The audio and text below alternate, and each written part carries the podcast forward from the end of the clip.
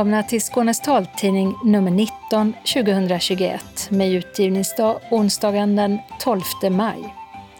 Solen gick upp 5.01 i morse och går ner igen 21.07 ikväll. I varsin studio sitter Åsa Kjellman Risi och Birgitta Fredén. Tekniker på sitt håll är Martin Holmström. Och det här är innehållet. I nästa vecka öppnar sex nya vaccinationsmottagningar och 50 till 59-åringar kan börja vaccinera sig. Frihetskänsla, biverkningar eller kände inget alls. Erfarenheterna av att få första vaccinationssprutan varierar. Vi har på nytt talat med tre personer med synnedsättning som alla är i 70-årsåldern. Olika vaccin ger olika biverkningar. Ingen fördel att byta, säger vaccinsamordnare Per Hagstam. Efter många decennier i Malmö ligger SRF Skånes kansli sedan några månader i Hör. Vi åkte dit för en titt och för att höra hur det funkar nu. Väckelsepredikant klädd i tyll och tiara, eller maken Marks brallor och dessutom hedersdoktor i Lund. Månadens mångfacetterade ansikte heter Jonas Gardell, bokaktuell i år. Funktionsrätt Sverige startar rättighetsbyrå med hjälp av pengar från Allmänna arvsfonden. Öppnat och stängt med spettekaksbageri och postflytt. Evenemangstips med Näcken och Storken. Kalendern med bidag och ufon. Anslagstavlan med förenings och trafikmeddelanden. Och allra sist redaktionsrutan. Och vi börjar med nyheter om corona. På måndag den 17 maj öppnar bokningen av vaccination för de mellan 50 och 59 år på sex orter i Skåne. De första vaccinationstiderna kommer att vara tillgängliga från onsdagen den 19 maj. Sen kommer man stegvis att öppna upp och vara i full gång vecka 23 med 60 olika platser runt om i Skåne för vaccinationer mot covid-19. Men de första ställena är Kry på Stortorget 3 i Malmö, Svea Vaccin, Västra Storgatan 69, Kristianstad, Vaccina, Skelevägen 27 i Lund, MacPeople, Stjärnsvärds allé 54, byggnad 51 i Ängelholm, MacPeople, Företagsvägen 29, hus 9 i Arlöv, Doktor.se, Storgatan 19 till 23 i Klippan. Och information om Skånes olika vaccinationsställen och hur man bokar tid finns på 1177.se. Och man kan boka tid på vilken ort man vill. En aktuell lägesbild för hur det såg ut med nya fall per dag de senaste sju dagarna är att det i medeltal fanns 615 nysmittade per dag. Antalet inlagda på sjukhus i regionen med konstaterad covid-19 var 134 personer, varav 35 vårdades på intensivvårdsavdelning. Folkhälsomyndigheten har under två veckor i mars samlat in prover från blodgivare och resultaten visar att 22 procent på nationell nivå hade antikroppar mot covid-19. Och prover från åtta regioner ingick i undersökningen och i Skåne hade 20 procent antikroppar av de blodgivare som var med. Jämfört med tidigare mätperiod i början av december 2020 så visar resultaten för de åtta regionerna att andelen antikroppar är tre gånger så hög nu. Omkring 370 000 av alla över 18 år i Skåne har nu fått åtminstone en dos vaccin mot covid-19. Och dryga 110 000 har också fått en andra dos.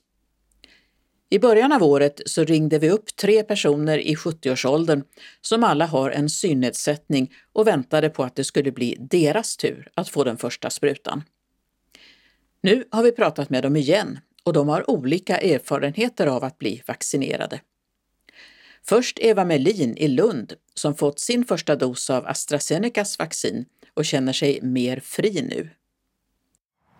Jag fick den för drygt tre veckor sedan och har inte fått några biverkningar efter den mer än att jag kände när jag höjde armen att det, det kändes lite tungt bara. Men det är det enda jag märkt.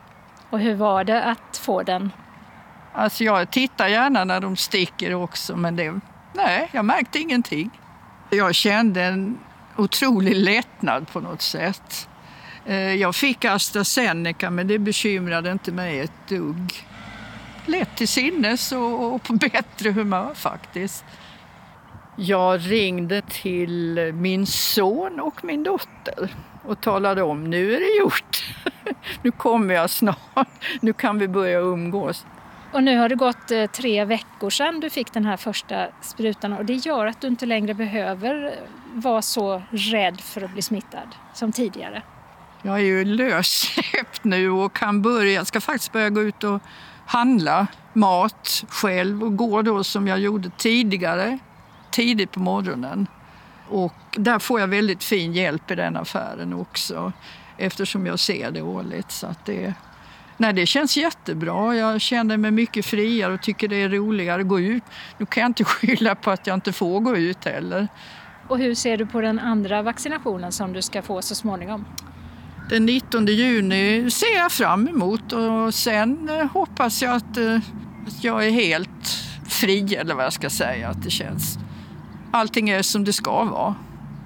Har du börjat göra upp planer för vad du ska göra när du har fått ja. den andra sprutan? Jag har ju en dotter som bor i Norge och jag planerar så smått när man får tydligen ett kort att man är vaccinerad att jag kan ta mig till eh, Kastrup och sen flyga till Stavanger. Träffa henne som, och hennes man som jag inte har träffat på två år. Det ser jag fram emot. Blir man eh, mer uppmärksam på det man eh, kan göra när man har varit med om något sånt här tror du? Det tror jag helt säkert att man blir. Jag tänker väl ibland när jag ska göra vissa saker att mm, det här det känns bra och det här hade jag inte kunnat göra tidigare under det här året. Känner mig friare helt enkelt. Men om Eva Melin i Lund inte upplevde några biverkningar av sin vaccination så var det helt annorlunda för Elisabeth Persson i Ystad. Hon fick sin spruta med samma vaccin, AstraZeneca, för 16 dagar sedan och påverkades mycket. Fortfarande så, ehm, och speciellt med AstraZeneca med allt som har informerats och ehm, pratats runt i kring just det vaccinet så var jag tveksam. Men jag tänkte att eh, jag måste ju vaccinera mig, antar jag. Och eh, jag tänkte att eh, jag blundar och tar det och eh, så får det bli vad det blir. Och det var ingen som talade om på min vårdcentral. Vi fick inte veta vad vi skulle få för någonting heller. Det får man ju på vissa ställen. Men när du fick sprutan, visste du inte vad det var de som du fick? Nej. Nej, inte förrän jag fick precis sprutan, men äh, inte innan. När du väl var på vårdcentralen, fick du någon hjälp där? För det pratade vi också om att du undrade hur det skulle gå till och så. Ja, men det tyckte jag att, eh, att de skötte bra. Och det är en känd miljö för mig och man blev slussad efter vaccinationen till eh, nästa ställe då där man skulle få eh, registrerat att man hade blivit vaccinerad och få tid till eh, nästa vaccin skrevs också upp. Och sen så blev man slussad ut därifrån på ett annat håll liksom och så skulle man sitta den här kvarten. Nej, jag tyckte att det fungerar bra. Men sen efteråt, hur kändes det då? Jag fick vaccinationen på eftermiddagen och eh, den dagen så var det okej. Okay. Och nästa dag var jag helt utslagen. Och det var som när jag, efter jag hade fått mina stråk. Så jag antar att det var mest hjärnan som blev påverkad. Men kroppen också. Jag hade nog lite feber. Men fullständigt utslag. Jag kunde inte göra någonting. Kunde inte ens äta. Och dag två ungefär likadant. Dag tre började bli lite bättre. Och sen blev det successivt eh, bättre så efter en vecka så tyckte jag väl att jag kände igen mig själv. Och sen fick jag ett återfall under vecka två också så jag har haft en kraftig biverkan på AstraZeneca. I slutet på juni, nio veckor efter den första sprutan, så är det dags för nästa. Och Elisabeth Persson ska nu först se till att få inskrivet i sin journal vilka biverkningar hon fick av första sprutan. Och hon tycker att även om man får välja att ta eller inte ta vaccinationen så är det ett hårt tryck på att alla ska vaccinera sig. Den här massiva påtryckningen som också har ju klart att göra med att eh, vi är troligtvis mer skyddade och vi är ju mer skyddade om vi har vaccinet, det har ju visats. Men eh, det finns ju också människor som inte tål vaccinet och det finns olika vaccin att välja på men vi får inte välja. Så att eh, nu när jag har varit med om det här så har jag funderat och lyssnat av lite mer information om de olika vaccinen och eh, jag har ju nu en egen erfarenhet som jag bygger mina frågor på. Är det så att du vill ha ett annat vaccin om du får möjlighet att välja när du ska ta din andra spruta? Om det fungerar eh, tillsammans med AstraZeneca så vill jag ha det naturligtvis. Men är det så att det inte fungerar så får jag väl riskera att kroppen får uh, jobba hårt igen för att acceptera det. Men Elisabeth Persson säger att det inte är säkert att hon reagerar lika starkt igen när hon får den andra vaccinationen. Och även om hon nu fått sin första spruta så vågar hon inte släppa så mycket på isoleringen eftersom smittspridningen är hög och det inte gått så lång tid sedan hon vaccinerades. Hon tycker att de senaste månaderna tagit hårt med den begränsade sociala kontakten och att vara hänvisad mest till telefonsamtal som blir allt kortare. Man har pratat färdigt, man har frågat färdigt och eh, så det blir nu kortare samtal tycker jag. Man saknar sina andra vänner också. Man talar ju i telefon men vi säger det att nu måste vi snart mötas annars så ja, det, det påverkar en på ett djupare plan. I utkanten av Hässleholm bor Ulf Bergstrand som är blind och även han såg fram emot att bli vaccinerad när jag ringde honom i början av året. Men trots att han varit väldigt försiktig så blev han smittad med corona och var sjuk i många veckor. Jag har ju fått antikroppar. Nu så har jag ju fått min första spruta. Men du blev smittad med covid? Ja, det blev jag. Det blev det allvarligt? Ja, det blev det inte. Det, det som en förkylning så att jag trodde att det var förkylning. Så vi hade ont i halsen och så. Men sen växte det liksom så det blev en klump som rörde sig upp och ner liksom. Så ibland var det lite svårt att andas de sista fyra veckorna kan man säga. Hur länge var du sjuk då? Ja, sju, åtta veckor någonting. Och trots att du var så försiktig så blev du smittad då innan du hann få din vaccination? Ja, så var det. Men hur kändes det då när du fick eh, din första vaccination eh, för någon vecka sedan? Nej, det kändes ingenting. Jag har ju alltid kroppen ut så det spelar ingen roll för mig. Men när vi talades vid då, då var du mycket hemma och så och eh, vågade inte ner på stan. Är det annorlunda nu? Nej, men det har jag varit nu. Jag har varit på stan flera gånger. Och känns det bra? Ja, jag känner mig inte orolig alls. Ja, man kollar i affärer och sådär, handlar det som man har skjutit på. Vad var det första du handlade när du fick komma ner? Det var nog att jag bytte batteri på mitt armbågsur. Sen eh, köpte jag ett par nya t-shirts. Så har jag varit på banken och, och ordnat upp det som, som jag skulle göra där. Som jag också har skjutit på. Är det någonting du uppskattar speciellt att göra nu när du kan vara lite friare? Ja, det är att man kan gå ut som man vill och om det är fint väder och så, så kan man ju gå ut. Nu är man inte tvungen att stanna inne. Så gör du upp planer nu för vad du ska göra framåt? Nej, det har jag inte gjort. Utlandsresor och sånt, det får man ju skita på. Det gäller ju inte bara hur det är i Sverige, det är ju liksom hur det är i övriga Europa. Det får man ju också ta hänsyn till. Det sa Ulf Bergstrand och vaccinet han fick var Pfizer-Biontechs och han har inte känt av några biverkningar. Reporter var Åsa Kjellman Erisi. de flesta känner inte av några andra biverkningar av coronavaccinet än kanske lite ont i armen just där man fick sprutan.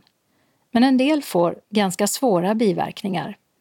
Ska man då försöka få ett annat vaccin eller helt avstå spruta nummer två för att inte drabbas igen? Nej, det tycker inte Per Hagstam som är biträdande smittskyddsläkare och vaccinsamordnare i Region Skåne. Det är lite skillnad mellan de här olika vaccinerna men, men eh, det vaccin som man framförallt känner, kan känna av biverkningar efter första sprutan det är just Astras vaccin där det inte är helt ovanligt med eh, en feberreaktion, eh, man kan få eh, lite ont i kroppen, huvudvärk och liknande. Lite influensaliknande symptom. Det där kan man få på alla vaccinerna men just för Astras vaccin är det vanligare att man Eh, känner av det vid första sprutan och så brukar det vara eh, betydligt lindrigare efter andra dosen. Eh, vad det gäller de andra vaccinerna, de här som kallas för mRNA-vacciner, alltså Pfizers vaccin och det som kommer från Moderna, där är det faktiskt precis tvärtom. Att många berättar om att biverkningarna var svårare på den andra dosen. Så att, att de skiljer sig åt eh, lite grann så. Men man kan ju allmänt säga att den enda riktiga kontraindikationen så att säga för att ta dos 2 det är ju om man har haft en svår allergisk reaktion som krävt behandling. Så det är inte en lösning att byta vaccin? Nej, eh, det behöver det inte vara för att du kan ju mycket väl få biverkningar på den andra vaccinsorten också. Det är ju generellt bäst att ta dos två av samma vaccin som du fick första dosen. Det är där vi har, eh, man har liksom data och kunskap om eh, själva vaccineffekten. Vad händer om man hoppar över spruta två då och säger att ja, det, jag har fått en spruta och nu är jag nöjd? Ja, återigen, lite grann beroende på vilket vaccin man har fått. Men risken med det är ju att man inte får fullt skydd och inte heller så pass långvarigt skydd.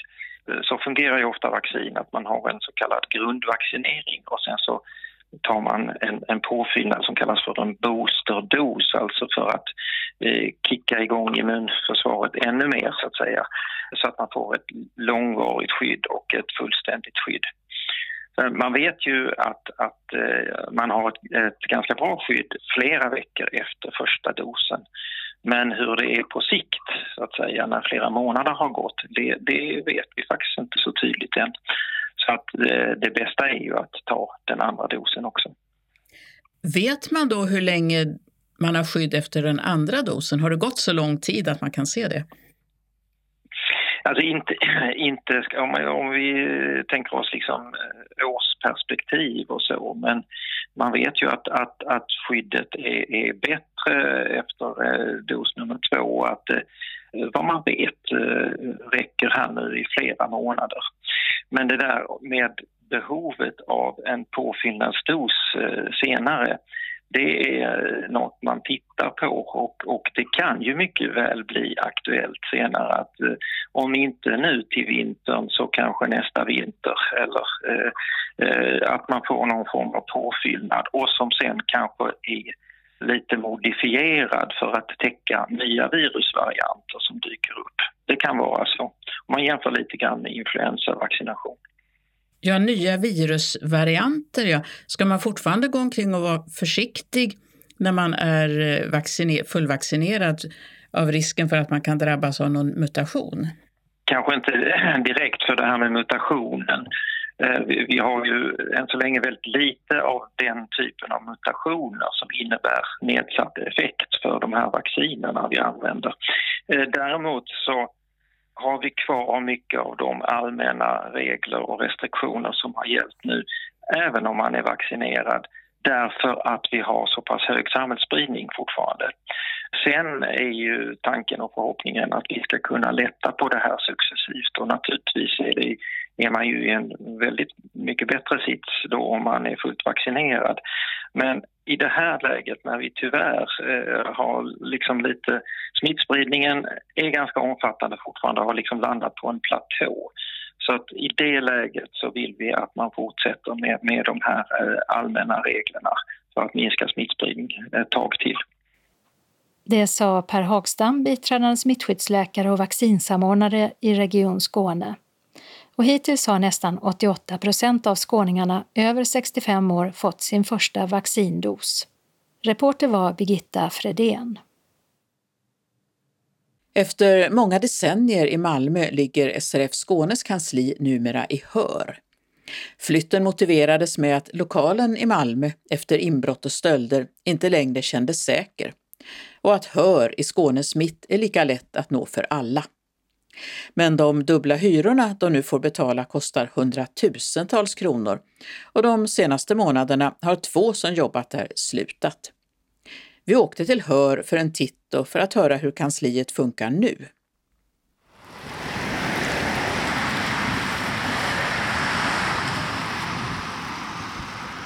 Där susar ett X2000-tåg förbi järnvägsstationen i Hör. Kliver man av lokaltågen här så ligger järnvägsstationen, gamla stationshuset, längs med Järnvägsgatan. Och på andra sidan finns det gamla järnvägshotellet som SRF Skånes kansli nu finns i sedan flytten i, från Malmö. Trevåningsrött tegelhus, med lite gul puts på delar av den undre våningen och med granit och gnejsblock som grund. Och på ena kortsidan så står det hotell, en gammal skylt medfaren av väder och vind. En krog i källaren och en uteservering längs med Järnvägsgatan här. Och i mitten på fasaden här, nummer åtta med skylten Järnkontoret med E. Och här bor SRF Skåne nu.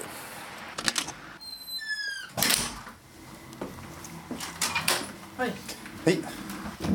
Viktor heter jag. Aha, vi har inte hälsat tror jag. Nej, jag är ny på kansliet. Vi hälsar på det här sättet ju. Vi tar en armbåge.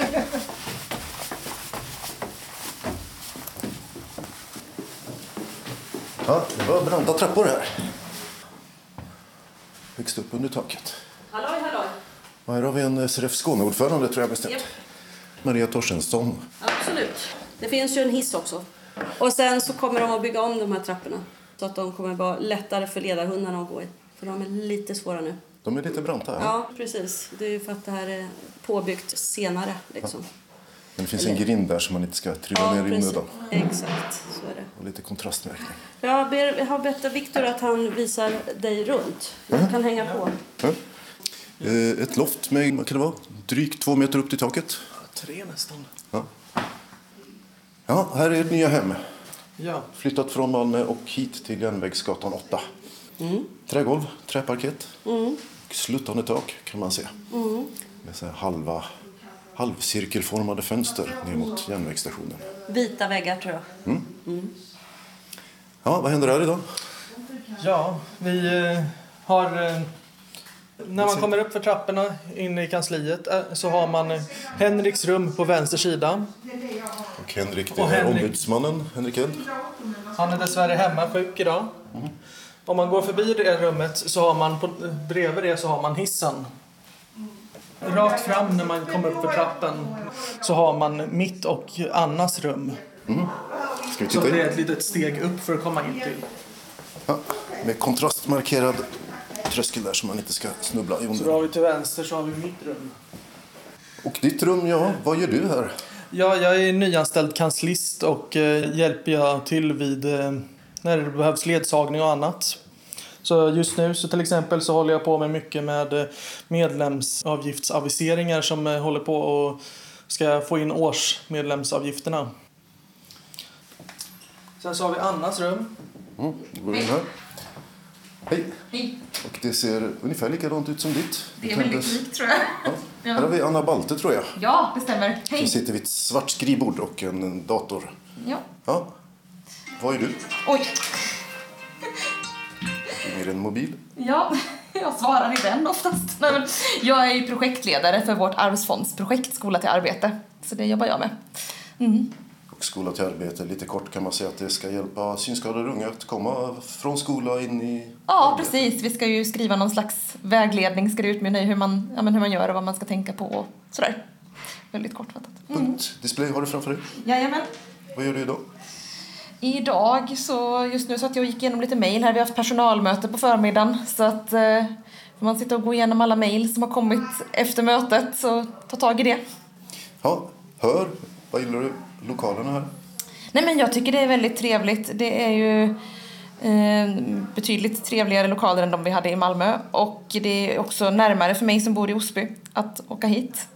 Tar ju, med färdtjänst tar det knappt en timme och med tåg tar det en halvtimme. Och tågstationen är ju jättenära så att för mig är det bara fördelar egentligen. Mm.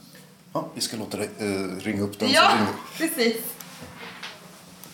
Ja. Akta trappsteget så du inte snubblar ner där. När man kommer förbi hissen så har man på vänster sida så har vi då Marians rum. Ja, vi har hört en röst som har pratat i telefon här tror jag. Ja, det, jag är nummer ett på eh, telefonloopen. Ja. Eh, Marianne Werngren, Det är jag. Ish. vad gör du här på SRF Skånes kansli? Just nu så sitter jag med eh, stiftelsepapper här. Kollar så att allting stämmer som det ska och förbereder för eh, AM-mötet. Och sen så förbereder ju de för styrelsen som ska ha stiftelsemöte i slutet av denna månaden. Mhm. Och det är väldigt spännande, det måste jag säga. Ja, handlar det om att söka pengar då gissar jag? Oh ja, det, det, är väldigt mycket iPhone och iPads eh, som folk vill ha ju. Mm. Nu tjuvkikar jag lite här på, du har blanketter på din laptop med ansökningar om bidrag. Ja, ja. Synskadades stiftelse Skånes samförvaltning. ja. Så den kan jag absolut göra reklam för för att eh, där kan man söka allting som är, ja, är synskaderelaterat naturligtvis. Så att, eh, det är bara att chansa och söka och se vad som, vad som går igenom. Och eh, då kan jag faktiskt rekommendera att man läser på eh, hemsidan för att under fonder, där, där står faktiskt lite grann vad man inte kan söka till bland annat. Och det kan ju vara rätt bra också att veta. Annars är jag ju som, förutom detta så är jag ju vanlig kanslist så att säga och är först i telefonloopen så det är oftast min, min röst man hör först. Du bor i Malmö om jag minns rätt. Jajamensan, jag bor, bor, eh, bor fortfarande kvar i Malmö så jag, så jag pendlar upp här ett par dagar i veckan och jobbar hemma de andra dagarna och det är perfekt, det är perfekt. Men du hör till dem som har fått en längre resa då? Eh, Ja, det har jag fått. Det har jag fått. Men som sagt, eh, det, det, det är jättebra just det att jag kan växla mellan eh, hemma och här så att säga. Så, så får jag ut faktiskt det bästa av två världar. Lite. Man får kontakten här när man ska bolla idéer. Och, och sen så har jag lugn och ro när jag behöver koncentrera mig där hemma. Så det är liksom det bästa av två världar när man kan vara både hemma och på plats så att säga. Det tycker jag i alla fall. Det passar mig perfekt. Ja, jag tackar. Du får fortsätta med dina stiftelseansökningar. Ja, tack. Ja, då går vi ut genom dörren och hittar Viktor som står... I slutet på korridoren så har vi då toalett. Sen mitt emot Marians rum så har vi köket. Här kan vi se att det står tavlor på golvet som väntar att sättas upp. Ett med fruktmotiv och ett med bladmotiv. Sen har vi gått tillbaka genom korridoren och, förbi trappan. Till höger efter det har vi eh, Per-Arnes rum. Då kliver vi in här och ser tre bruna lädersoffor som står i vinkel mot varandra och ett ovalt bord i mitten. Och en Per-Arne som heter Andersson i efternamn som sitter i en hörna framför en dator med stor stil på skärmen. Vad gör du? Jag eh, sköter just nu eh, distriktets ekonomi, det vill säga jag går igenom de fakturor som ska betalas, lägger in dem på banken efter att de är attesterade och sen eh, går då vår ekonomiansvarige Anders Mardell in och godkänner dem. Så att det är först då de går iväg och sen gör jag, sköter jag bokföring, tar fram rapporter och sånt. Jag fick ju rycka in när Ingrid Gren sa upp sig. Ja, ni har haft en anställd som sköter sånt men som inte är kvar här. Nej, hon eh, sa upp sig i slutet på februari och slutade redan den 10 mars för att hon ville ta ut innestående semester. Du är förtroendevald och sitter i styrelsen för SRF Skåne men arbetar här hur mycket då? Ja, jag är här uppe på kansliet två dagar i veckan, tisdag och torsdag. när Resten av personalen är här och sen gör jag en del hemifrån så att det blir väl en 18-20 timmar i veckan ungefär. Och här på väggarna sitter konst som jag tror hängde med från kansliet i Malmö. Det är väl vallmoblommor i avlånga tavlor på väggarna. Ja, bra. Ja, kansliet här har ju omorganiserats en smula. Kanslisamordnaren och eh, arbetsledaren, det vill säga en styrelseledamot, fick ju inte förnyat förtroende efter årsmötet. Så hur, ja, vem bestämmer här nu då? Ja, Per-Arne har ju varit med tidigare så att det ligger fortfarande på honom till största delen. Så att eh, det flyter på ungefär som det har varit tidigare eh, eftersom både jag och Per-Arne och Anna har varit med på alla personalmöten senaste åren så att vi, vi är väl rätt så välinsatta i det och har blivit upplärda av Bo hur det kan fungera på ett bra sätt. Men det är Per-Arne som är den som personalen rådfrågar. Sen så in till vänster här så har vi, har vi Joel. Ett halvt trappsteg upp. Och här sitter Joel Östlund Wahlstedt. Ja. Jag är kanslist, men jag är också ansvarig för att utbilda folk om i Prisma, det nya registret. Och sen har jag väl hand om hemsidan också. Men eh, då har jag legat lite nere med att åka ut till folk på grund av pandemin. Mm. Och du hör till de seende här. Glasögon har du och ett eh, blont hår. eh, och ett av arbetsbiträdena här. Jag hörde att du skulle sluta också i slutet av månaden. Yes, jag ska gå på föräldraledighet. Jag fick barn i oktober så ska jag vara hemma med dig istället. Kommer du tillbaka efter det eller? Eh, nej, det gör jag inte. Jag ska plugga. Till lärare hade jag tänkt på gymnasienivå. Och då är det kanske så att Viktor ska ta över ditt jobb här då, om jag förstått det rätt? Exakt. Ja. Sen så har vi eh, maskinrum där vi har kopiator, punktskrivare och ja, lite andra små maskiner för att frankera och sådär. Rejäl kopiator. Och sen har Stort som vi ett kassaskåp. det stora konferensrummet där vi har ett långt konferensbord och en liten eh, fåtöljgrupp. Här har vi, kan jag inte låta bli att ta i, en hederlig ordförandeklubba Mm, som man kan slå i bordet. precis, de råkar komma där. Så de, de kom dit vid flytten, så att det var väl så. Ja, och sen så är det ju franska balkonger här ute på sidorna. Mhm. Det är faktiskt lite fint som är... Just nu så är det lite tråkigt väder men annars hade, så brukar vi ha de här dörrarna öppna för att släppa in luft. Då är vi på den andra kortändan av lokalen och öppnar vi här så kommer det mycket riktigt in luft som är kall och eh, lite våt för det regnar idag. Här har vi utsikt över Hörs centrala by och hustaken runt omkring. Och en spirande kastanje tror jag det är på bakgården här som precis har börjat få löv. Har vi gått igenom hela våningen. Ehm, jag kan ju tillägga då att på första våningen när man kommer in i huset så finns det två stycken konferenslokaler som vi också har tillgång till. Så vi har egentligen tre konferenslokaler som vi har möjlighet att använda. Och sen så har vi på andra våningen i huset, vi är ju på tredje, men på andra våningen så finns det ett stort kök med eh, många sittplatser också som vi också kan använda i, vid om vi har utbildningar eller vad vi nu har för någonting. Så att det, det finns eh, många möjligheter i det här huset. I och med att man är på en sån här liten ort så blir man ju mycket mer, man lär känna mycket fler folk. Eh, Det märker man på en gång att när man sätter sig i det andra köket där nere så kommer gärna de här, många gånger ensamföretagare kommer gärna och sätter sig bredvid och vill gärna prata och, och sådär.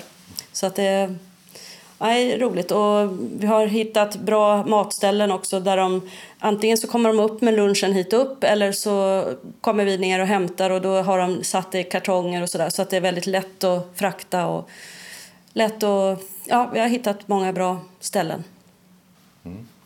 Lokalerna här känns lite mer överskådliga än de gjorde i Malmö där de var en smula labyrintiska. Eh, kände jag i alla fall. Mm. Men det kostar ju det här.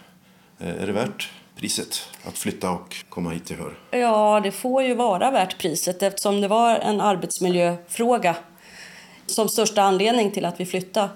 Eh, vi blev ju tvungna helt enkelt eftersom det hade hänt saker och hände saker eh, runt omkring på de gatorna där vi hade vårt kontor. Och personalen vågade inte jobba själva och så vidare. Och då, det, det gick helt enkelt inte. Så att det får vara värt det helt enkelt. Det är bara så. Vi har inget val egentligen som arbetsgivare. Eh, dessutom så, så ligger ju Hör mitt i Skåne. Så att eh, för alla våra SRF-medlemmar så är det här mittpunkten av Skåne. Malmö har ett eget kontor på lokalföreningen där. Helsingborg har sitt och Lund har sitt. Eh, så att jag tror inte att det här kommer bli sämre för några medlemmar utan snarare bättre för fler. Sa Maria Torstensson, ordförande för Synskadades riksförbunds Skånedistrikt. Vi hörde också Viktor Adell, Anna Balte, Marianne Werngren, Per-Arne Andersson och Joel Östlund Wahlstedt. Reporter i Hör var Mats Sundling. Varje söndag besöker han frikyrkan där han rört sig sedan barndomen och han kallas också själv för pastor ibland. Andra kvällar showar han iklädd tyll och tiara, fast just den delen har förstås legat nere under pandemin. Månadens ansikte heter Jonas Gardell, bokaktuell i höst. Och vi träffar honom på Vannås konst i Göingeskogarna, där dekoren till hans senaste show ställs ut. Och det, är, en gammal teatereffekt för att ge en känsla av att flyga och som används i 1600-talet. Så det är, vi har också använt väldigt gamla tekniker och just att vi hade en väldigt duktig ljussättare och hon kunde också få fram alla de olika färger som finns genom att belysa på olika sätt. Det är högt i tak som i en kyrka eller en katedral fast det är en gammal loge på det vaktmeisterska slottet Vannås. Vi vandrar mellan enorma målningar av Martin Jakobsson, framstående konstnär och mannen bakom dekoren till Jonas Gardells senaste föreställning Queen of fucking everything som gick på Cirkus i Stockholm före pandemin. Och det är kulisser som konstnären själv handmålat. Det här är ju också ett sorts protest mot de billiga lösningar. Så jag är så förtjust i utmaningar, att det faktiskt var svårt. Att det faktiskt... Runt omkring i den just denna kalla vårdag utkylda lokalen lyser starka strålkastare på motiven. En katedralliknande pelargång och fönstervägg möter när man går in. Ett guldgult Disneyslott med tinnar och torn som strålande svävar i en solnedgång eller kanske soluppgång. Vita strålar som slår ner mellan mörka skyar mot en altarliknande formation bland gröna kullar, med mera, med mera. Jonas Gardell ser liten ut mot de här enorma bakgrunderna. Sen kan vi säga att det var andra tavlor som bilder som Martin hade i sin ateljé och som han skickade till mig som inspirerade till, till mycket av kostymerna och till andra nummer. Eh, ja, jag bytte kläder ganska ofta. Men, men huvudsakligen är jag ju pojke med elefantbyxorna. Sedan många, många år så har jag en sorts uniform där jag har eh, elefantbyxor med elefanttyg. Och det är tyg som jag faktiskt eh, hittade Estrid Eriksson som eh, designade och brukar säljas på Svenskt Tenn som ett möbel eller kuddtyg. Men som jag har haft som byxor. Och den här gången var det rosa. Allting var i rosa och mycket glitter lite för att föreställningen Queen of fucking everything eh, var från början tillkommen för att trösta min dotter när hon var rädd och trodde att världen skulle gå under. Så att det är mycket, mycket Disney-estetik i den. Du hade också mer på dig under den föreställningen. Ja, eftersom jag var Queen, jag var drottningen, så hade jag en, en silvertiara. Jag hade en fantastiskt tyllkäp med så mycket volanger och släp att den fastnade. Alltså det var, många dansarna gick ju på den och sånt där. Det rasslade och prasslade och glittrade om mig i hela föreställningen. Om du berättar, hur ser Jonas Gardell ut som sitter framför mig här i detta nu? Ja, hade du varit i publiken och haft synskada, då har det hänt flera gånger att jag har gått ner och sagt att då får du känna lite då. Så du skaffar en uppfattning. Och det har varit trevligt. Eh, jag är inte helt nyklippt, för jag har så kort och stubbigt hår att när det är helt nyklippt är det som att, att dra över en sån här igelkott. Men det är det inte just nu, men jag har tunt hår. Och jag har eh, just nu kall näsa, för att det är lite för kallt ute. Och jag har ganska mycket rynkor och skrattgropar och eh, blå ögon och på mig en hyfsat dyr tröja jag troligen fått av Mark. Eh, ett par ljusblå eller himmelsblå Adidas-skor som jag fått av Mark. Eh, och ett par byxor som jag har troligen stulit från Mark, för det är inte min storlek. Jag använder Mark som en sorts eh, blandning mellan, mellan make och butik. Eh, nästan alla kläder jag har har jag antingen fått av Mark eller också öppnar en av hans byrålådor och säger titta vad jag har hittat. Och så beslagtar jag det. Och vad är det för färg på kläderna? Jag är mörklädd helt och hållet idag, så den enda färgklicken är de här himmelsblå skorna. Och så har jag en liten, liten trasa runt halsen som man tror är billig, men det är den inte alls för det är Armani och dyrt som arslet. Och så har du glasögon. De är lite Clark Kent-aktiga, ganska ordentliga bågar och får mig att se både intelligent och stilig ut. Det ska sägas direkt att vi har träffats förut och jag tror första gången var när jag intervjuade dig en bit in på 80-talet och när du var fredsaktivist och det var bilder på dig där du blir bortsläpad ja. av poliser. Precis, och det är ju i så fall, i så fall måste vara så tidigt som 83-84. För jag debuterade som författare 85 och får mitt genombrott redan 86. Så att om jag inte känns som författare så måste det vara före det. Och då är det ju väldigt länge sedan. Då är det till och med innan jag träffade Mark.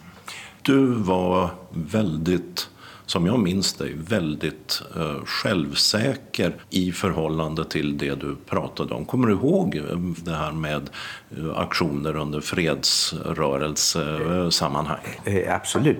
Alltså, ja, du sa att jag var aktivist. Jag är ju fortfarande aktivist.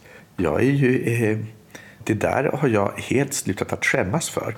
Att jag har en agenda, jag vill någonting. Jag vill påverka människor, jag vill förändra världen.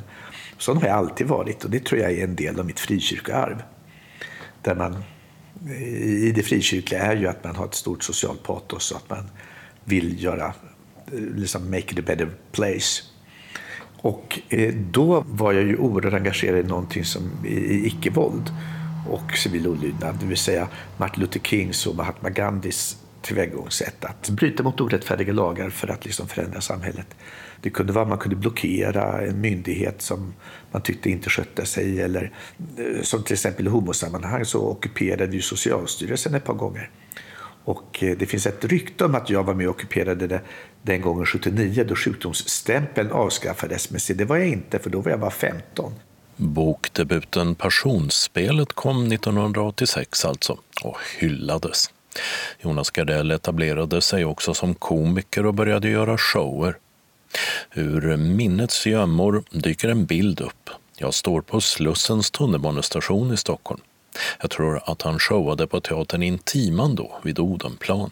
Och det är kväll, kanske en två timmar till föreställning. I andra änden av perrongen ser jag Jonas med en fullstoppad plastkasse i handen, vardagsklädd. Vad säger den här bilden om honom? Det är att jag faktiskt mycket medvetet när jag till exempel uppträdde på eh, Konserthuset som första svensk komiker någonsin som gjorde det så tog jag alltid tunnelbanan till Konserthuset med scenkläderna i en plastpåse.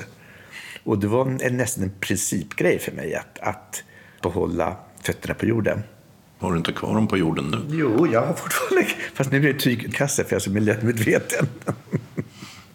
Alltså, det, det, är ju naturligtvis märkligt att vara mig eh, så tillvida att jag är ju en väldigt publik och folkkär person. sen många år tillbaka. Jag spelade in något tv-program häromdagen där de har tagit fram något klipp från en av de första stora intervjuerna. 85 eh, i Nya Värmlands Tidningar och där på första sidan så var det foto på mig och så presenterades jag redan då bara som förnamn. Jonas har gjort det och det. Det var som om, om de redan då anade att jag skulle bli Jonas med hela svenska folket. Och att man, det räcker med att säga Mark och Jonas så vet alla vilka det är. Så att på ett plan är det märkligt att vara mig för att jag, är ju, jag vet ju att jag är oerhört känd. Och att, jag tror folk oftast betraktar mig som en del av familjen. Folk är väldigt, eh, inte särskilt rädda för mig. Känns det som. Utan man vågar gå fram och prata och man vill tacka för något eller säga något. Och kvinnan som körde mig i taxi från stationen hit, hon hade med sig någon av mina böcker, Mormor gråter, och berättade att familjen hade som tradition att varje julafton läste de hela Mormor gråter och så frågade hon om hon kunde få en dedikation åt foto och sådär. Och det är ju väldigt fint tycker jag.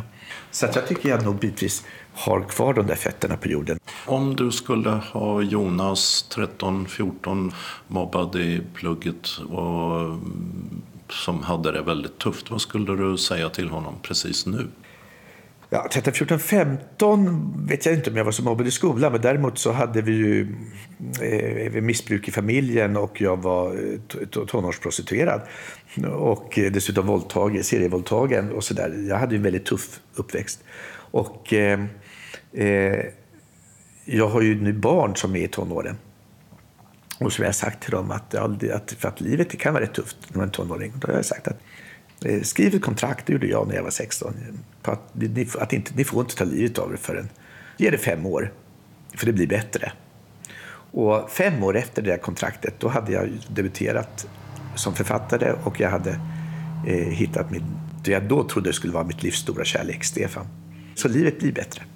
Ja, visst kan livet bli bättre. Men eh, hur långt är det kvar till en bättre värld? Är vi framme snart? Eh, framme kommer vi aldrig vara.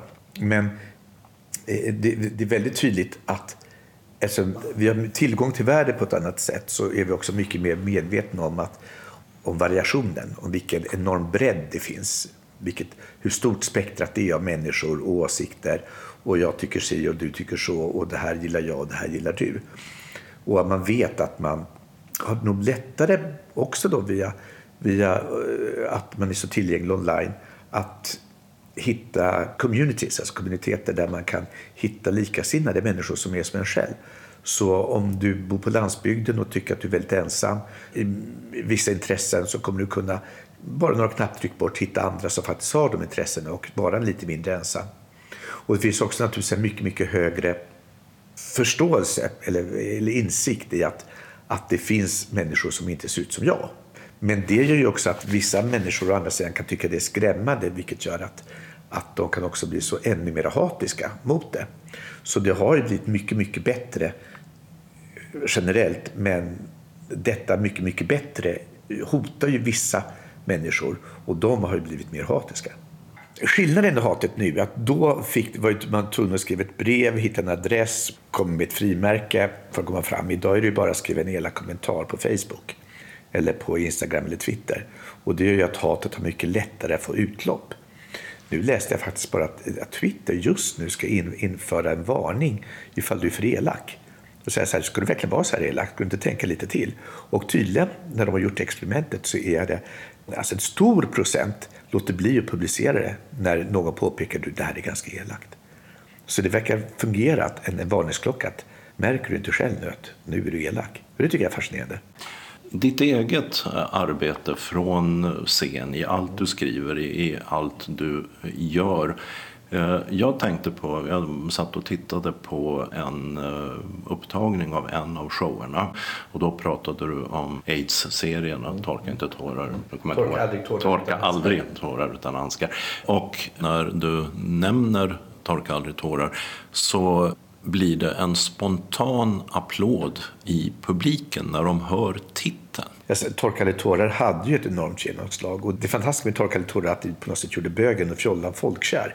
Att, det gjorde, att man förstod att de här människorna som hade dött en för tidig död och som ofta blev skildrade då som, som ett hotfullt främmande inte var något hotfullande främmande utan det var vackra, väldigt älskvärda pojkar som vi borde ha tagit tiden att lära känna.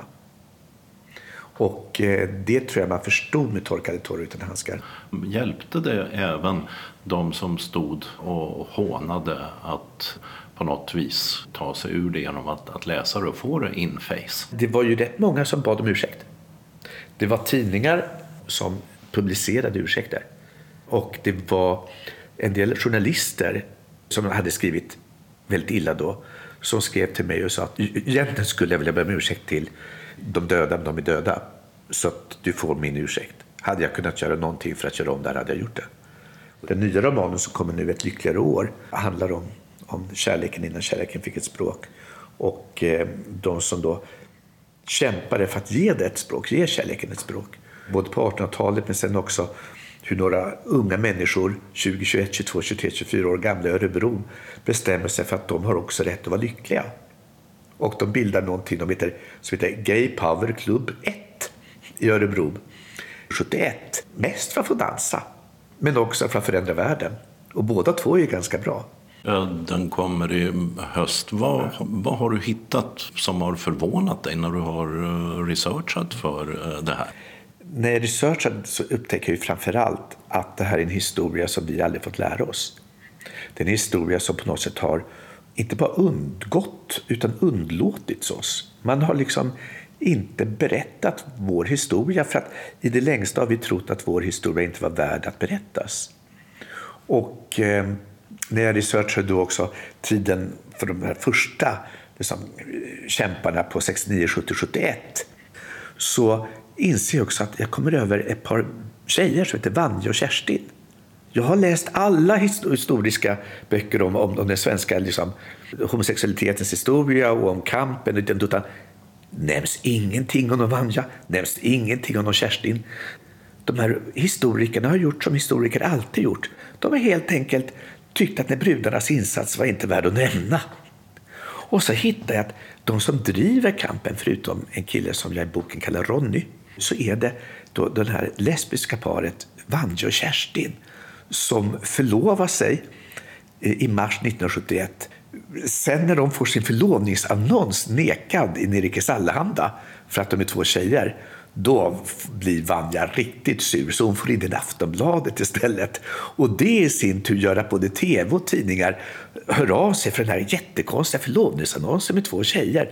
Och de på något sätt blir utställda i hela Sverige med, liksom, som flickorna som vill gifta sig. Och det är ju underbart att få, få återupprätta dem. De är så värda att lära känna också. När du läser den så kommer du bli verkligen lida med de här 1800-talspojkarna för deras romans är så omöjlig.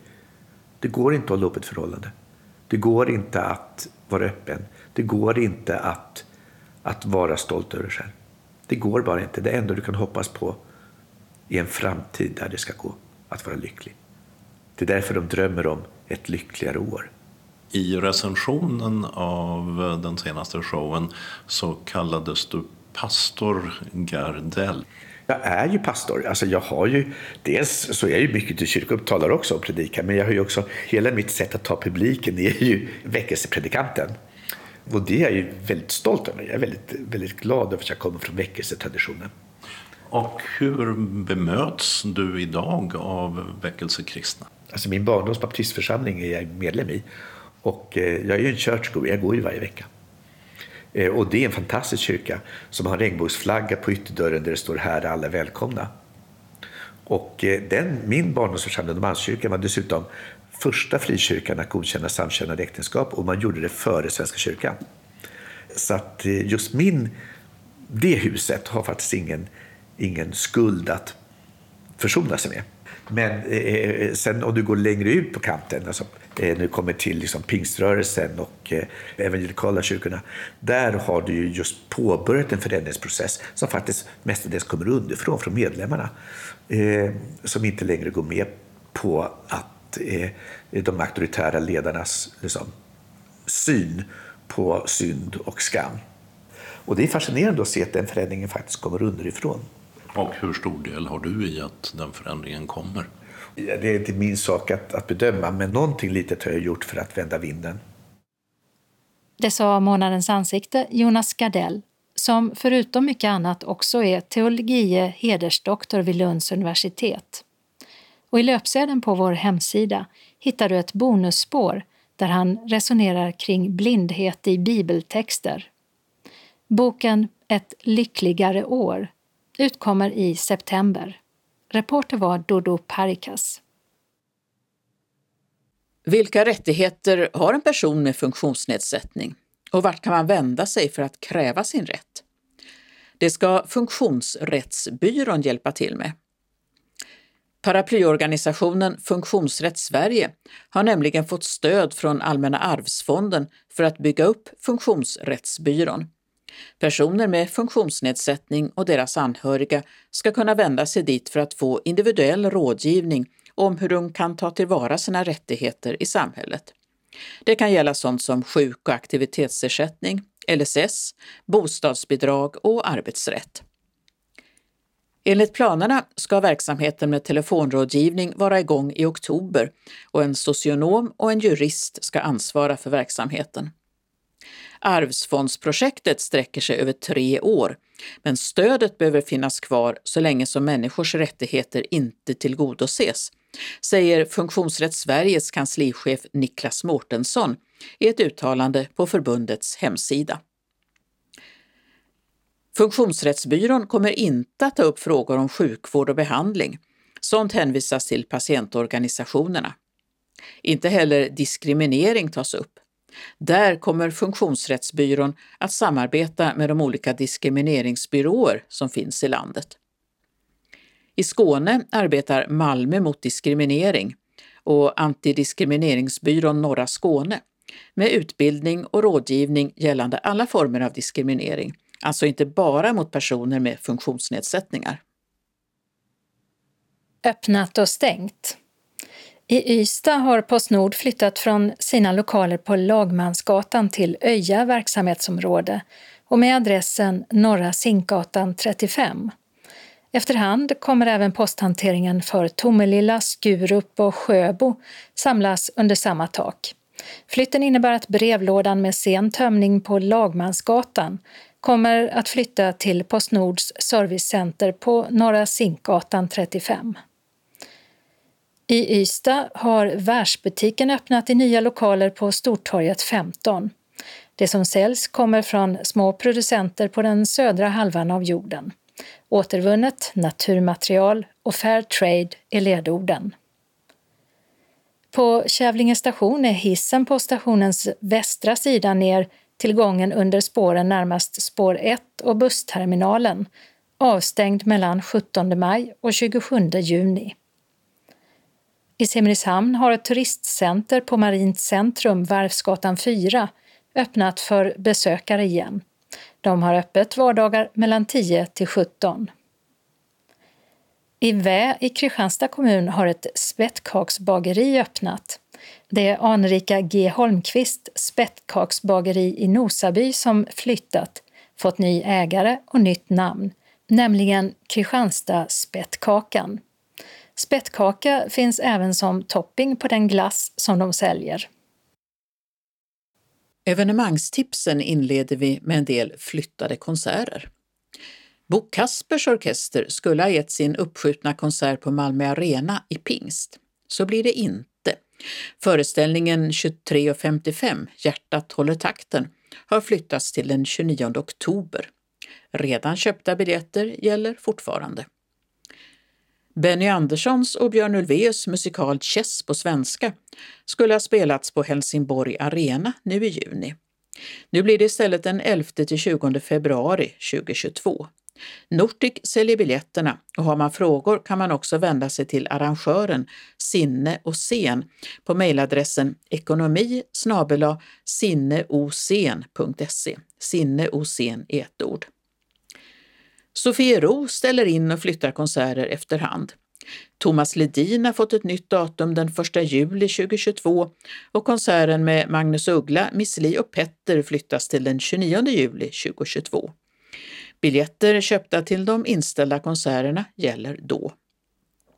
Sofiero flyttar också fram invigningen av utställningen Evigt mode, en utställning om vår tid och utställningen i kronprinsessan Margaretas fotspår i Rhododendronhuset är fortsatt stängd. Men Slottsparken och trädgården håller öppet liksom kafé, restaurang och butiker. Så en del som faktiskt troligen blir av. Och eftersom det är friluftslivets år, förhoppningsvis skönt majväder och dessutom coronasäkrare blir det i huvudsak tips om utomhusaktiviteter. Nykläckta storkungar kan man träffa på söndag den 16 maj i storkhägnet i Fulltofta utanför Hörby. Klockan 13 till 15 är det besökstid på Stork-BB och man kan få höra om storkens historia, om storkprojektet och om storkens flyttning. Söndagen den 6 juni har ungarna börjat växa sig stora och det är dags för ringmärkning. Då är storkhägnet öppet 13.30 till 15.30. Inträdet vid båda tillfällena är 100 kronor för vuxna och gratis för barn under 15 år. För mer information mejlar man paulviberg hotmail.com och Paul Wiberg, Wiberg med W, skrivs ihop i ett ord. På måndag den 17 maj inleds City Art Week i Kristianstad med utställningar, ny konst i skyltfönster och så ska Kim Demone uppföra Citys andra väggmålning på Västra Vallgatan 24. Det är 75 år sedan pollenkungen Gösta Karlsson hävdade att han mött ett UFO i Sibirienskogen utanför Ängelholm. Och det uppmärksammas med guidade vandringar till UFO-monumentet tisdagen den 18 maj och måndagen den 28 juni, båda dagarna klockan 19.30. Guide är Ingrid Persson Skog och hon berättar också om Flygsanden, Linné och Per Albin-linjen. Priset är 130 kronor för vuxna och 80 kronor för 12 till 19-åringar. Det är begränsat antal deltagare och bokning krävs på 0738 503343. Samling vid skylten Fågelskyddsområde UFO på parkeringsplatsen vid Sibirienvägen nära stranden. Torsdagen den 20 maj och sen varannan torsdag till och med den 29 juli kan man gå en guidad trädvandring i Sankt Larsparken i Lund. Turen tar en och en halv timme och utgår från Sankt Lars väg 90 klockan 18. Biljetter för 130 kronor säljs av Ticketmaster. Deltagarantalet är begränsat till 15 personer. Ledsagare till personer med funktionsnedsättning och barn under 10 år går gratis men måste ha en biljett som kan beställas via Biljettbyrån på 046 13 14 15. Lördagen den 22 maj infaller den biologiska mångfaldens dag. Fredriksdals museer och trädgårdar i Helsingborg bjuder in till en närmare titt på Lillarydsgårdens marker med ängsväxter, åkergrödor och hotade åkerogräs. Start från huvudentrén klockan 14 till 16.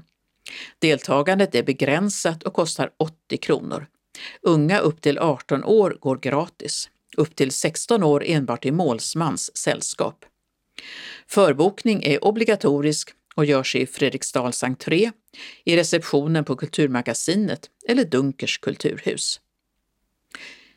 I Trelleborg släpps palmerna ut från växthusen med början lördagen den 22 maj.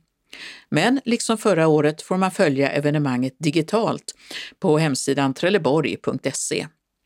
Utanför museet finns dock en specialbeställd palm i tyg att beskåda. Årets palmutmärkelser avslöjas den 29 maj, även det digitalt. Konsert av Näcken kan man uppleva, kanske, vid Forsakar söndagen den 23 maj. Det är Naturen Vattenriket som ordnar två sagovandringar ledda av Tine Winter från Sagomuseet i Ljungby genom skogen upp till det övre fallet där Näcken kanske sitter och spelar på sin fiol. Naturums naturvägledare är med och berättar om djur och växter längs vägen. Vandringen är cirka en kilometer men går i kuperad terräng över stockar och stenar och i trappor. Vid det övre fallet avslutas den guidade turen och var och en tar sig på egen hand tillbaka till startpunkten, parkeringen.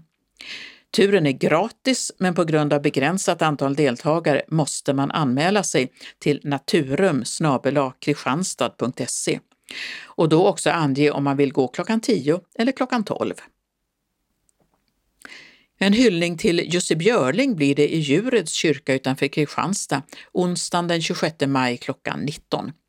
Det är Henrik Lagerkrans och Per-Anders Hedlund som framför flera av Jussis mest kända operaarior och dessutom Ack Värmeland du sköna och förstås Till havs. Det här är en föreställning i Riksteaterns regi och det är också hyllningen till trubaduren Olle Adolfsson i Brunnen i Arkelstorp måndagen den 31 maj klockan 19. Det är Anders Anton som sjunger Adolfssons visor. Biljetterna kostar 190 kronor 95 för ungdomar vid båda tillfällena och bokas via kristianstad.tf riksteatern.se eller 044 125820 dit man också kan ringa om man har frågor kring arrangemanget. I biljettpriset ingår kaffe eller te som serveras från klockan 18. Det blir smörgås i Djuröd och hembakat i Arkelstorp. Biblioteken i Kävlinge arrangerar bokluncher utomhus. Det blir boktips och så bjuder man på en lätt lunch. I Folkets park i Löddeköpinge fredagen den 28 maj och vid Kävlinge bibliotek på Kvarngatan 17 den 4 juni. Båda gångerna klockan 12 till 13. Det är gratis, men man måste föranmäla sig till biblioteket och ta med sin egen stol eller filt att sitta på. Biljettinformation Ticketmaster 077 170 70 70 Nortic 0455-6197 00 Dunkers biljettcentral 042 10 74 00 Fredriksdals museer och trädgårdar 042 10 45 00 Kalendern vecka 20 inleds med måndagen den 17 maj som är helgdag i Norge. Och överallt annars i världen där norrmän finns hissas också den norska flaggan. Tusentals 17 maj-tåg med gutte och jäntekorps och festklädda barn med flaggor går genom små och stora städer och byar i Norge. I Oslo kan tusentals barn marschera uppför paradgatan Karl Johan till slottet där kungafamiljen vinkar från balkongen. Så brukar det i alla fall vara. I fjol uppmanades alla att fira hemma och även i år blir firandet digitalt. Dagen firas till minne av att kungen, Christian Fredrik, skrev under Norges grundlag i Eidsvoll nära Oslo den 17 maj 1814. Norge blev ett självständigt land i ungefär ett halvår innan man ingick en personalunion med Sverige. Det vill säga, den svenska kungen blev kung över Norge också och det varade till 1905. Grundlagen fick man dock behålla hela tiden. Den svenska kungen Carl Gustaf deltar denna dag i en digital vårsammankomst i Gastronomiska akademin. Oklart dock hur den gastronomiska förtäringen ordnas. Den irländska sångerskan Enya fyller 60 år och Nederländernas drottning Maxima blir 50. Rebecca och Ruben har namnsdag. Det är den internationella dagen mot homo och transfobi och den av FN instiftade internationella telekommunikationsdagen. Tisdagen den 18 maj firar vi Erik. I riksdagen är det interpellationsdebatt och socialminister Lena Hallengren ska svara på en rad frågor om munskydd, långtidscovid, tester och vaccinationer. Kulturminister Amanda Lind har fått frågor om pandemiregler för ridsport och tävlingsverksamhet för idrotter med högt smittskydd. Arbetsmarknadsminister Eva Nordmark ska redogöra för Samhalls grunduppdrag och reformeringen av Arbetsförmedlingen. Debatten börjar klockan 13 och kan följas på riksdagens webbplats. För 75 år sedan, 1946, mötte Gösta Karlsson ett UFO i en glänta utanför Ängelholm. Av utomjordingarna, åtminstone hävdade han det själv, fick han ett recept på pollenallergimedicin som han producerade med stor framgång och fick smeknamnet Pollenkungen. 1972 lät han uppföra ett monument, en modell av det rymdskepp han sa sig möta, på platsen för landningen i den så kallade Sibirienskogen. Onsdagen den 19 maj har Maj och Majken namnsdag. Vaniljglass med persika och hallonsås. Det är den smaskiga efterrätten peach melba, uppkallad efter den australiensiska sopranen Nelly Melba som föddes just denna dag 1861. Torsdagen den 20 maj är det världsmeteorologidagen. Alltså inte meteorologi, utan det här handlar om mätning av alla typer av storheter inom främst fysik och elektronik Svårare än man kanske tror eftersom mätningen i sig ofta påverkar det man ska mäta. Till exempel kan termometern kyla ner den varma vätska den stoppas ner i för att kolla temperaturen. Ingen katastrof om det gäller degspad, men allvarligt i vetenskapliga sammanhang. Det är också internationella bidagen som är en FN-dag. För 80 år sedan invaderade Nazityskland Kreta för att förhindra att britterna skulle kunna använda ön som flottbas och bas för bombflyg. För 65 år sedan sprängde USA världens första vätebomb över Bikiniatollen i Stilla havet. För 15 år sedan vann Finland för första gången Eurovision Song Contest genom den maskerade heavy metal-gruppen Lordi och deras Hard Rock Hallelujah. Amerikanska sångerskan och skådespelaren Sherilyn Sarkisian, mera känd som Cher, fyller 75 år och Carolina och Carola har namnsdag. Fredagen den 21 maj har Konstantin och Conny namnsdag.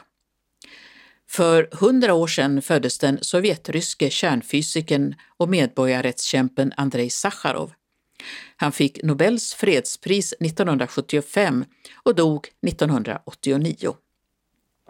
Det är den av FN instiftade världsdagen för kulturell mångfald för dialog och utveckling.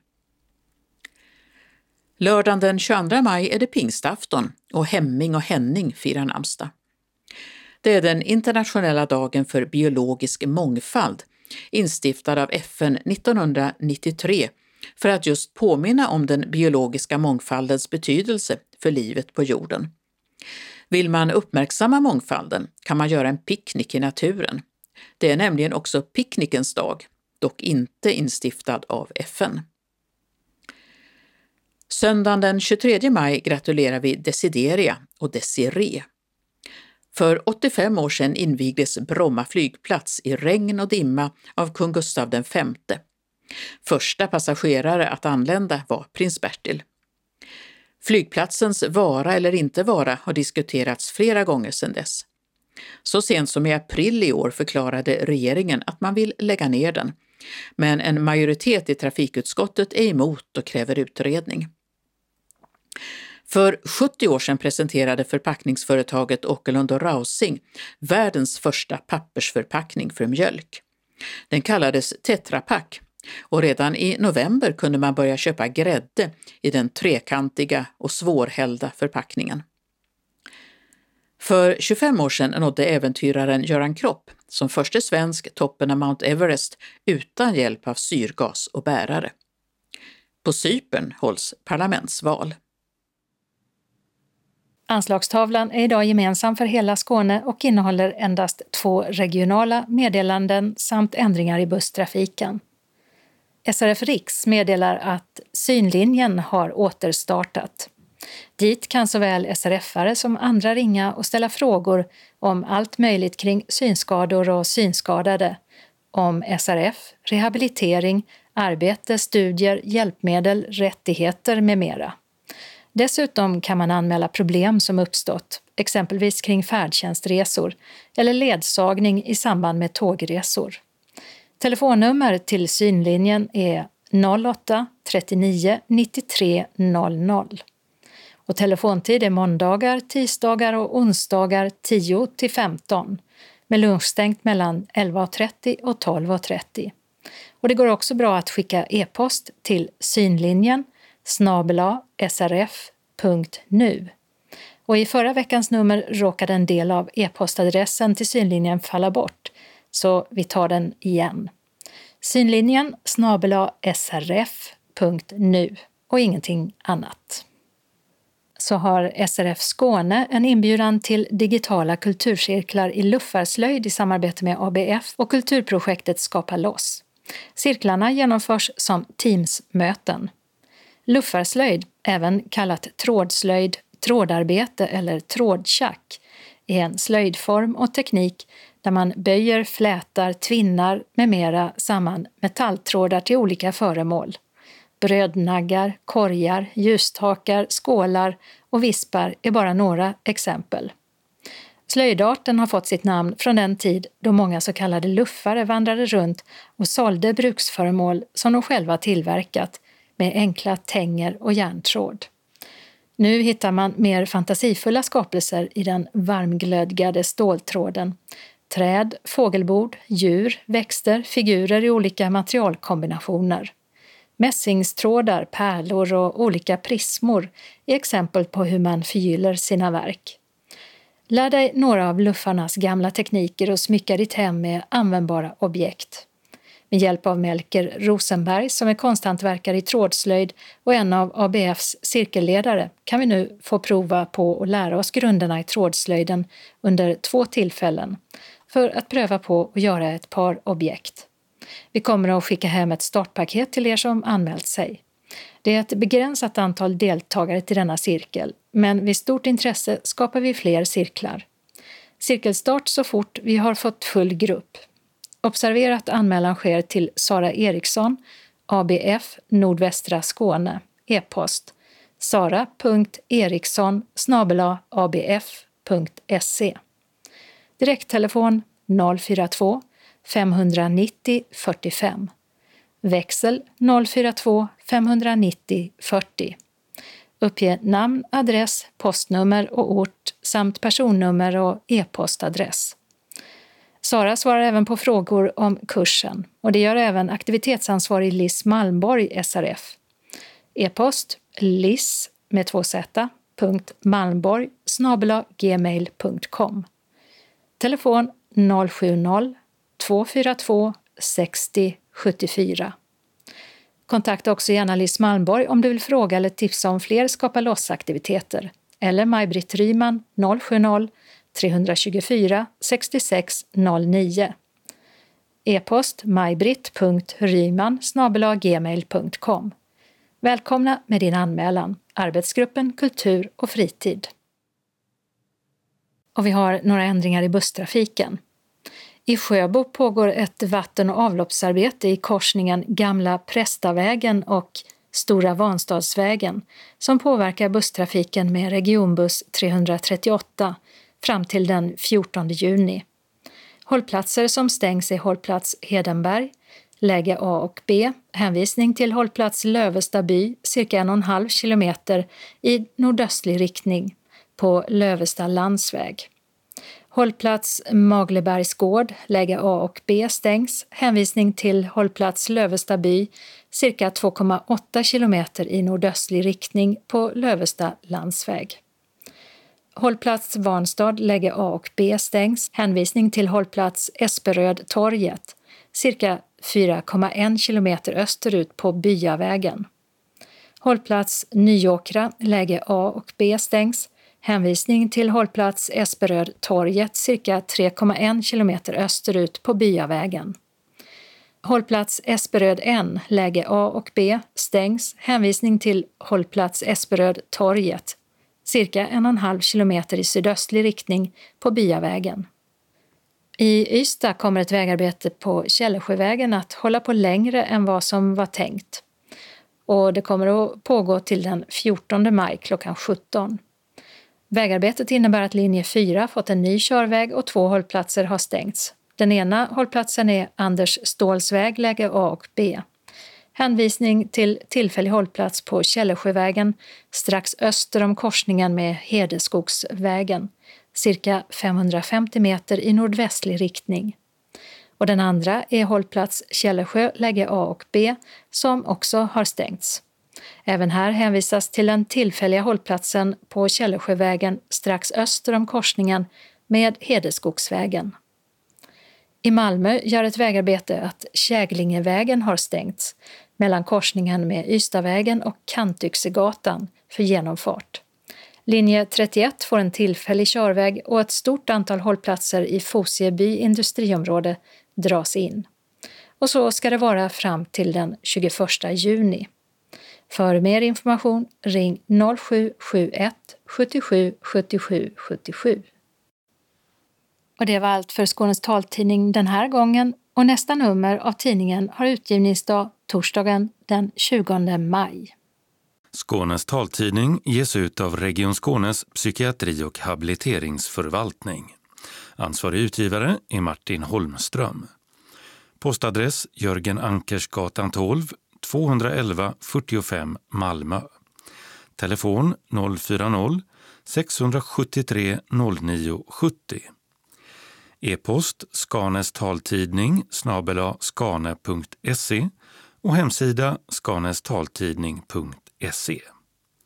Vi hörs igen. Hej då!